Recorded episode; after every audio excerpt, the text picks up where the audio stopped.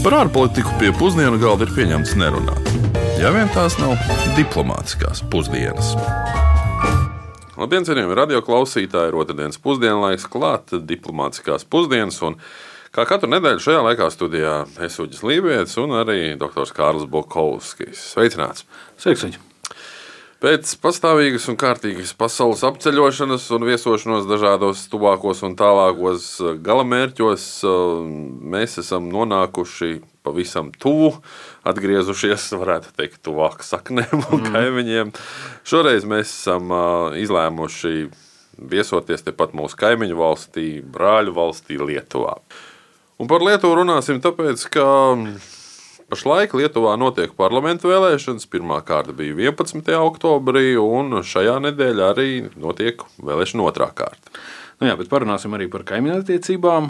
Ko domājam mēs par lietuviešiem, ko lietuvieši domā par mums un kāda ir mūsu, te, mūsu attiecību būtība ar brāļiem. Ar, ar brāļu tautu. Nu, valodas grupās skatoties, tad nu, baltu valodu grupā ir tikai latviešu un lietuviešu valodas. Kas, starp citu, ir um, interesants aspekts, ka lietuviešu valoda skaitās visvecākā, vēl joprojām lietotā valoda pasaulē.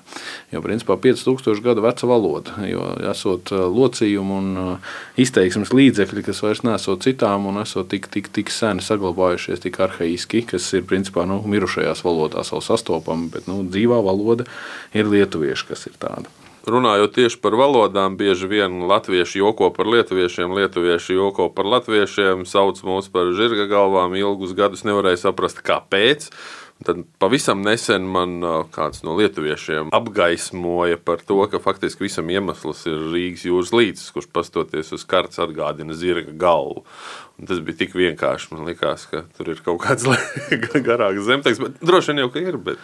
Nē, nu, geogrāfija jau bieži vien ir zemteksts un kartēšana, tā saucamais mapping, kas mums, mēs skatāmies uz pasauli, gan uz sevi, gan uz citiem un ieliekam savu karti vidū. Un tad domājam, ka vispārējā pasaule ir ap mums un ka viss grozās ap mums. Nu, to darām acīm redzot ne tikai mēs, bet arī lietuvieši. Tas ir viens interesants fakts, ka Eiropas centrs, nu, kur tad atrodas Eiropas centrs, nu, mēs esam pieņēmuši, ka mūsu kolkas raksts pats atrodas Eiropas centrā. Arī zīme ir nolikta.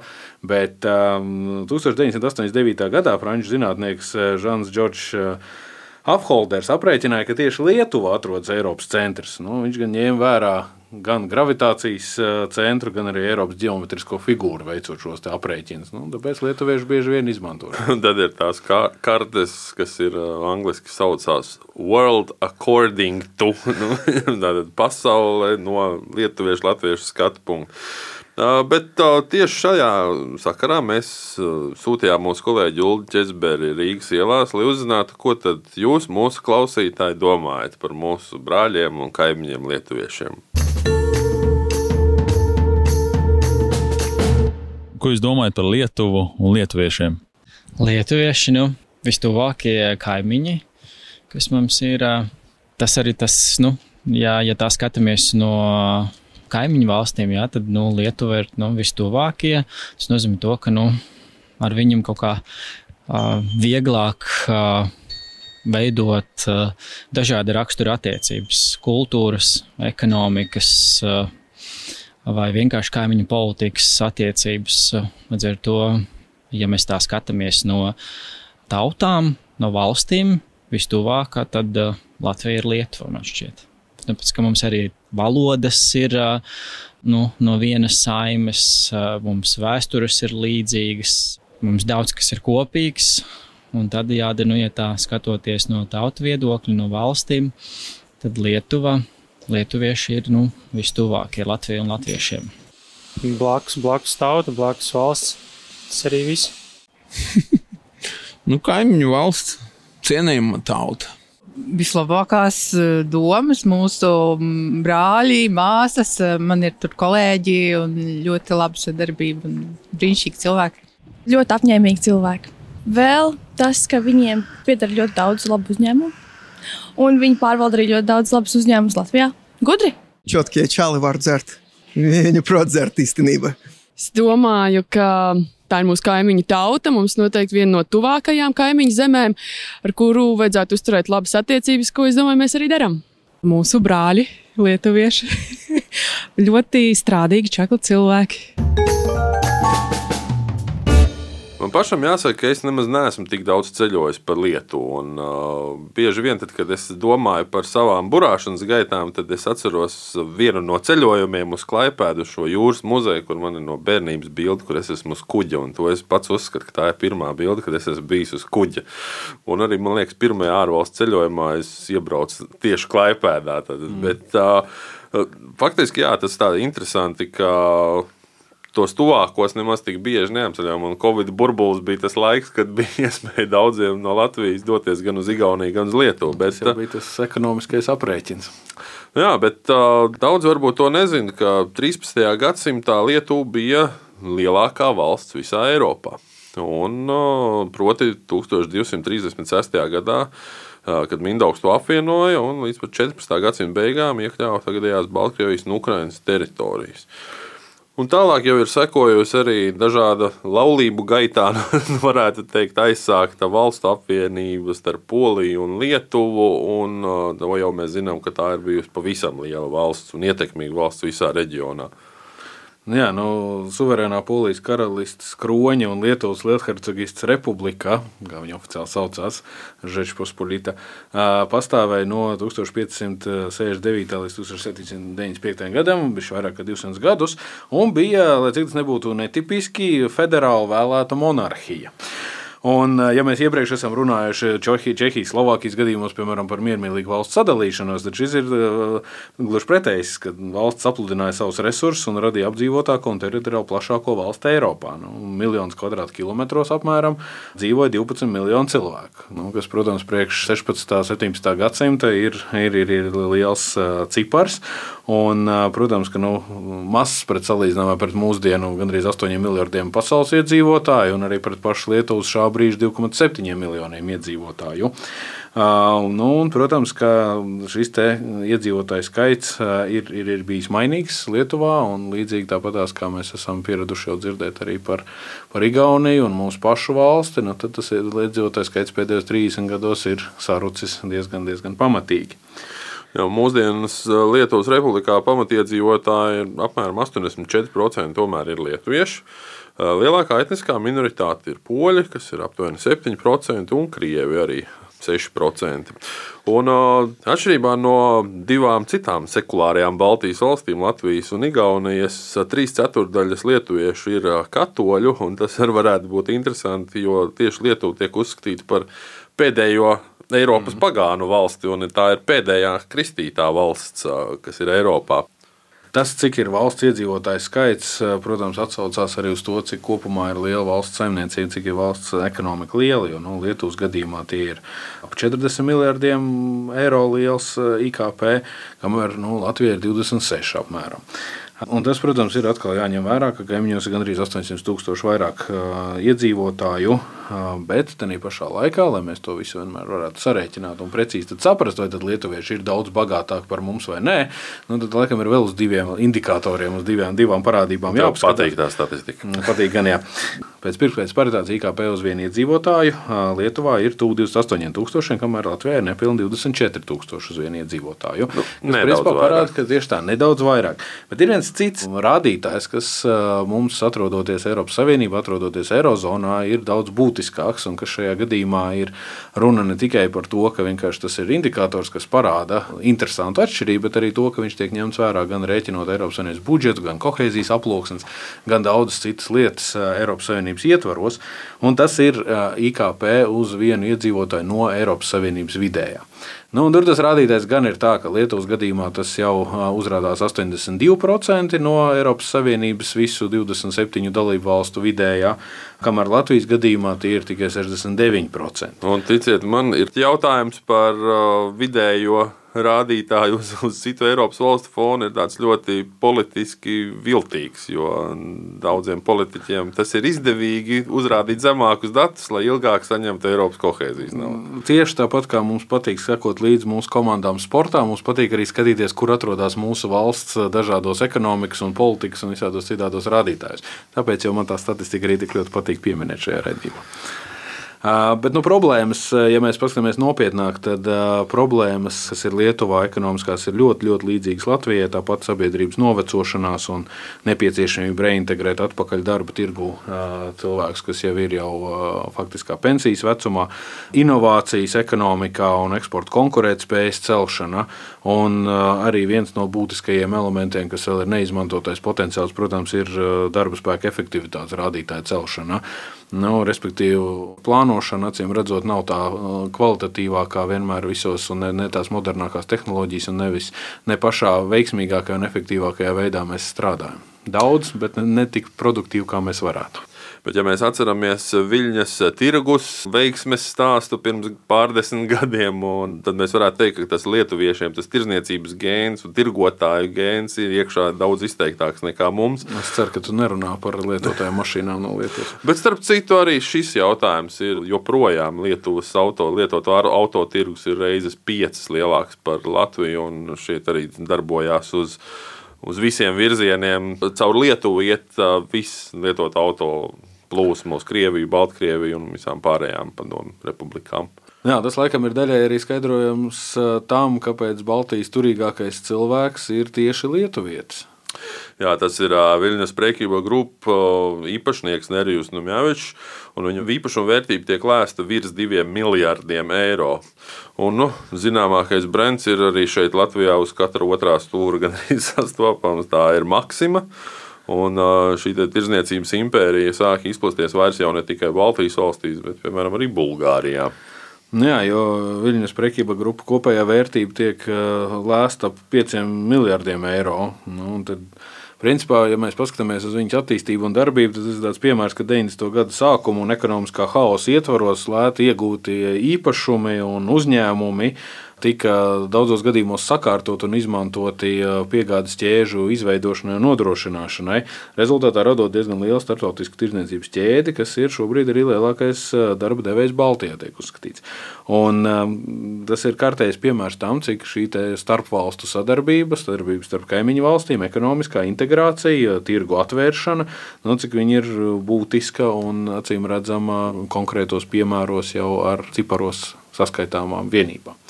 Bet par Lietuvas un Latvijas attiecībām kopumā lūdzām komentēt Viņas Universitātes starptautisko attiecību un politikas zinātnes institūta profesoram un arī šī institūta bijušajam direktoram, doktoram Ramonam Vilpišauskam. Un viņa skaidrojums bija šāds. I can only comment about officials and what Lithuanian politicians, or more concretely foreign policy makers. Es varu komentēt tikai par to, ko par sadarbību ar Latviju domā lietuviešu politiķi un ārpolitikas veidotāji.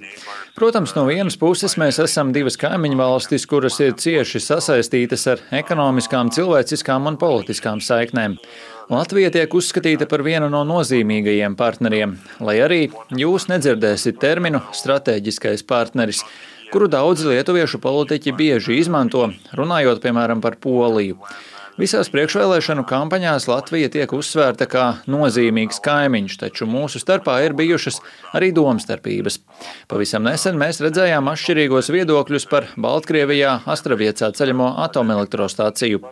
Vairākus gadus Lietuvas un Latvijas atšķirīgais viedoklis par tur saražotās elektroenerģijas boikotu bija redzamākais debatētais jautājums. Tāpat ļoti daudz ir ticis apspriests tas, cik veiksmīgi Baltijas valstis ir cīnījušās ar Covid-19. Latvijai īpaši patika izcelt savus sasniegumus un daudz zemākos inficēto personu rādītājus nekā Igaunijā vai Lietuvā. Taču mums ir arī ilgu laiku neatrisināts jautājums, piemēram, par abu valstu jūras robežu un šāda līguma ratifikāciju. Šie tad arī ir politiskā diskursa galvenie elementi, kuros Lietuvā ir pieminēta Latvija. Political discourse, uh, which uh, mentions Latvia in Lithuania. Un doktora Vilpašauska teiktajā jau ieskicējās arī šīs nedēļas arī centrālais notikums Lietuvā, proti parlamenta vēlēšana otrā kārta. Otrā kārta, tāpēc, ka vienkārši Lietuvā ir nedaudz cita vēlēšana sistēma. Tur ir gan tiek ievēlēti deputāti no partiju sarakstiem, no viena mandāta apgabaliem. Un, Oktobra sākumā notikušā pirmā vēlēšana kārta nu, nedeva nekādu skaidrību par to, kā spēks sadalīsies pēc vēlēšanām. Tātad Tad kopumā Lietuvas Seimā ir 141 deputāts, no kurā no partiju sarakstiem izraudzījās 70 un 71 tātad no viena mandāta apgabaliem. Un, lai mēs tā vienkārši ieskicētu to intrigu, tad no viena mandāta apgabaliem pirmajā balsošanas kārtā saimā iekļuva uzreiz tikai trīs cilvēki. Tātad atkārtots balsojums, tātad tikai trīs cilvēki ieguva vairāk nekā 50% no balss. Un tad 68 deputātu krēsli tiks balsošanā izvēlēti šīs nedēļas laikā, un īpaši 25. datumā. No vēlēšanu partiju sarakstiem mēs varam teikt, ka Visvairāk balsu pirmajā kārtā ieguva Tēvzemes Savienība, Kristīgie demokrāti, tātad 25% balsu aptuveni. Un otrajā vietā ar nedaudz vairāk kā 17% bija pašlaik valdošā Zemnieku un Zaļo savienība. Tad vēl ir iekļuvušas darba partija, un tā jau saka, ka Lietuvas seimā ir atgriezušies populisti līdz ar šo Tad vēl sociāldemokrāti, kas tikai nedaudz atpaliek no darba partijas, un divas liberālā brīvības partija un liberāļu savienība. Atklāti sakot, mūsu raidījums ir nedaudz pa īsu, lai ieskicētu visu Lietuvas politisko ainu, kas tur veidojās, taču lielākā intriga ir to, kāda būs nākošā koalīcijas valdība. Jo Dažas partijas, kas līdz šim ir bijušas valdībā, tagad pēc vēlēšanu sarakstiem iekļuvušas nav. Tad ir jautājums, vai nu apvienosies lielie spēki, kas tad tiks ņemti koalīcijā, vai liberāli, vai konservatīvie. Tur būs liels un vēl garš tāds sarunu process, un daudz tiešām saka, ka jā, mēs esam gatavi iesaistīties sarunās, bet nu, līdz pašām vēlēšanām kaut ko ir ļoti grūti prognozēt, jo pirmās kārtas vēlēšanas un aptaujas parādīja, ka aptaujas prognozē diezgan nepareizi. Un vēl viena no mūsdienu realitātēm ir tāda, ka šīs vēlēšanas notiek Covid laikā. Un kas man likās ļoti interesanti, ir tas, ka Viļņā ir izveidots īpašs balsošanas iecirknis, kurā var balsot cilvēki, kuriem ir jāatrodas pašizolācijā Covid dēļ. Protams, tas ir tā kā McDonald's drive-thru. Tu vari ar mašīnu piebraukt, nobalsot un braukt tālāk. Tev nesanāk saskarsme. Un cilvēks, kurš atrodas pašizolācijā, viņam ir ļauts trīs stundas dienā aizbraukt, nobalsot un tikai kaut kādā konkrētā laikā, ja nemaldos, līdz ceturtdienai. Tas tāda opcija būs. Nu, lūk, nu, vēlēšana pieeja un vēlēšana izaicinājumi un uh, politiskās pozīcijas arī lielā mērā neatšķirās no tā, ko mēs esam jau pieredzējuši Latvijā. Un, Es tā tieši iedomājos, ka tu skaidroji šo Lietuvas politisko sistēmu un partijas. Par to, kā gan es jūtos kāds vācietis vai portugālis, kurš eh, mēģina saprast Latviju, Lietuvu, kur ir atšķirības, tad viņi saprot, ka arī partiju nosaukumi ir ļoti līdzīgi un politiskās pozīcijas ir ļoti līdzīgas, un ka beigu beigās šī eh, brāļu tauta būšana nav acīm redzot tikai un vienīgi eh, valodā un, un, un modernajā vēsturē, bet acīm redzot ir arī elementārā izpratnē gan paši par savu ģeopolitisko pozīciju, gan ekonomiskiem izaicinājumiem, gan arī politiskajām principiem, vērtībām un pārmaiņām, kura, kuras tad nes attiecīgi jaunie politiskie spēki. Lai cik būtu paēdis, vienmēr ir vieta arī desertam. Oģina, un kas mums šodien ir desertā? Kaut kas, par ko gribam parunāt? Par cepelīniem, šakoti vai užupi? Es tad labāk par ēdamām lietām, to tad par politiku. Droši vien viena no pazīstamākajām lietuviešu ēdamajām lietām ir cepelīns. Jeb man bija atklājums, ka patiesībā cepelīnu Lietuvā sauc par diškukuli.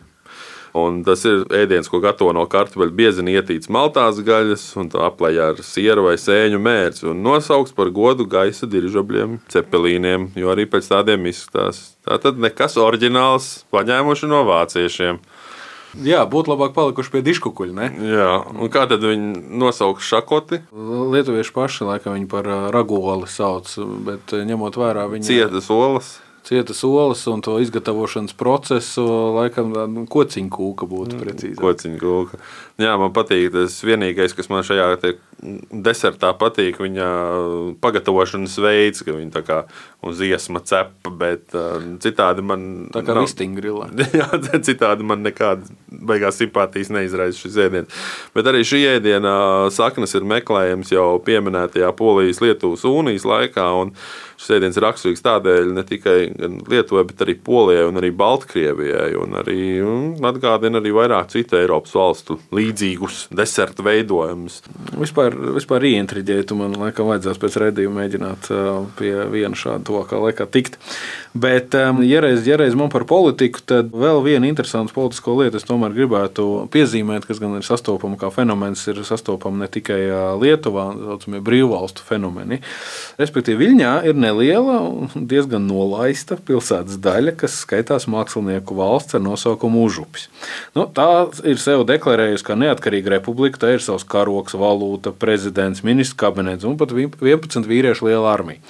Tās neatkarības diena ir 1. aprīlis, joku diena. Un tas īstenībā lielā mērā arī skaidro, ka šis veidojums tiek drīzāk uzskatīts par gaumīgu politisko joku, nevis kā par nopietnu parādību vai politisku strīdu sābolu. Un pat Užupas konstitūcijā ir rakstīts, ka nu, sunim ir tiesības būt sunim, tādēļ arī cilvēkam ir tiesības, lai tam nebūtu tiesību. Un, protams, ka šis veidojums politiski ir daudz mazāk sarežģīts nekā, piemēram, bēdīgi slavenā Kopenhāgenā atrodamā Kristiānija. Par šo arī izskan mūsu šīs nedēļas raidījums diplomātiskās pusdienas. To varat atkārtojumā klausīties gan Latvijas Rādio 1 mājaslapā, gan arī jebkurā jums pieejamā un vēlamā laikā podkāstos. Sūtiet ziņas par to, par kuru valsti jūs vēlaties, lai mēs pastāstām jums decembrī. Pašlaik izskatās, ka starp favorītiem ir izvirzījušās divas - Vācija un Turkmenistāna. Bet vēl ir pāris brīvas vietas arī varbūt tieši kādam Ziemassvētku raidījumam, speciāli izlaidumam. Jā. Bet uh, nākamā nedēļā mēs dosimies uz uh, Dienvidameriku atpakaļ un dosimies uz Čīli. Uz sadzirdēšanos! Lai izdodas! Diplomātiskās pusdienas katru otrdienu pusdienos Latvijas Radio 1.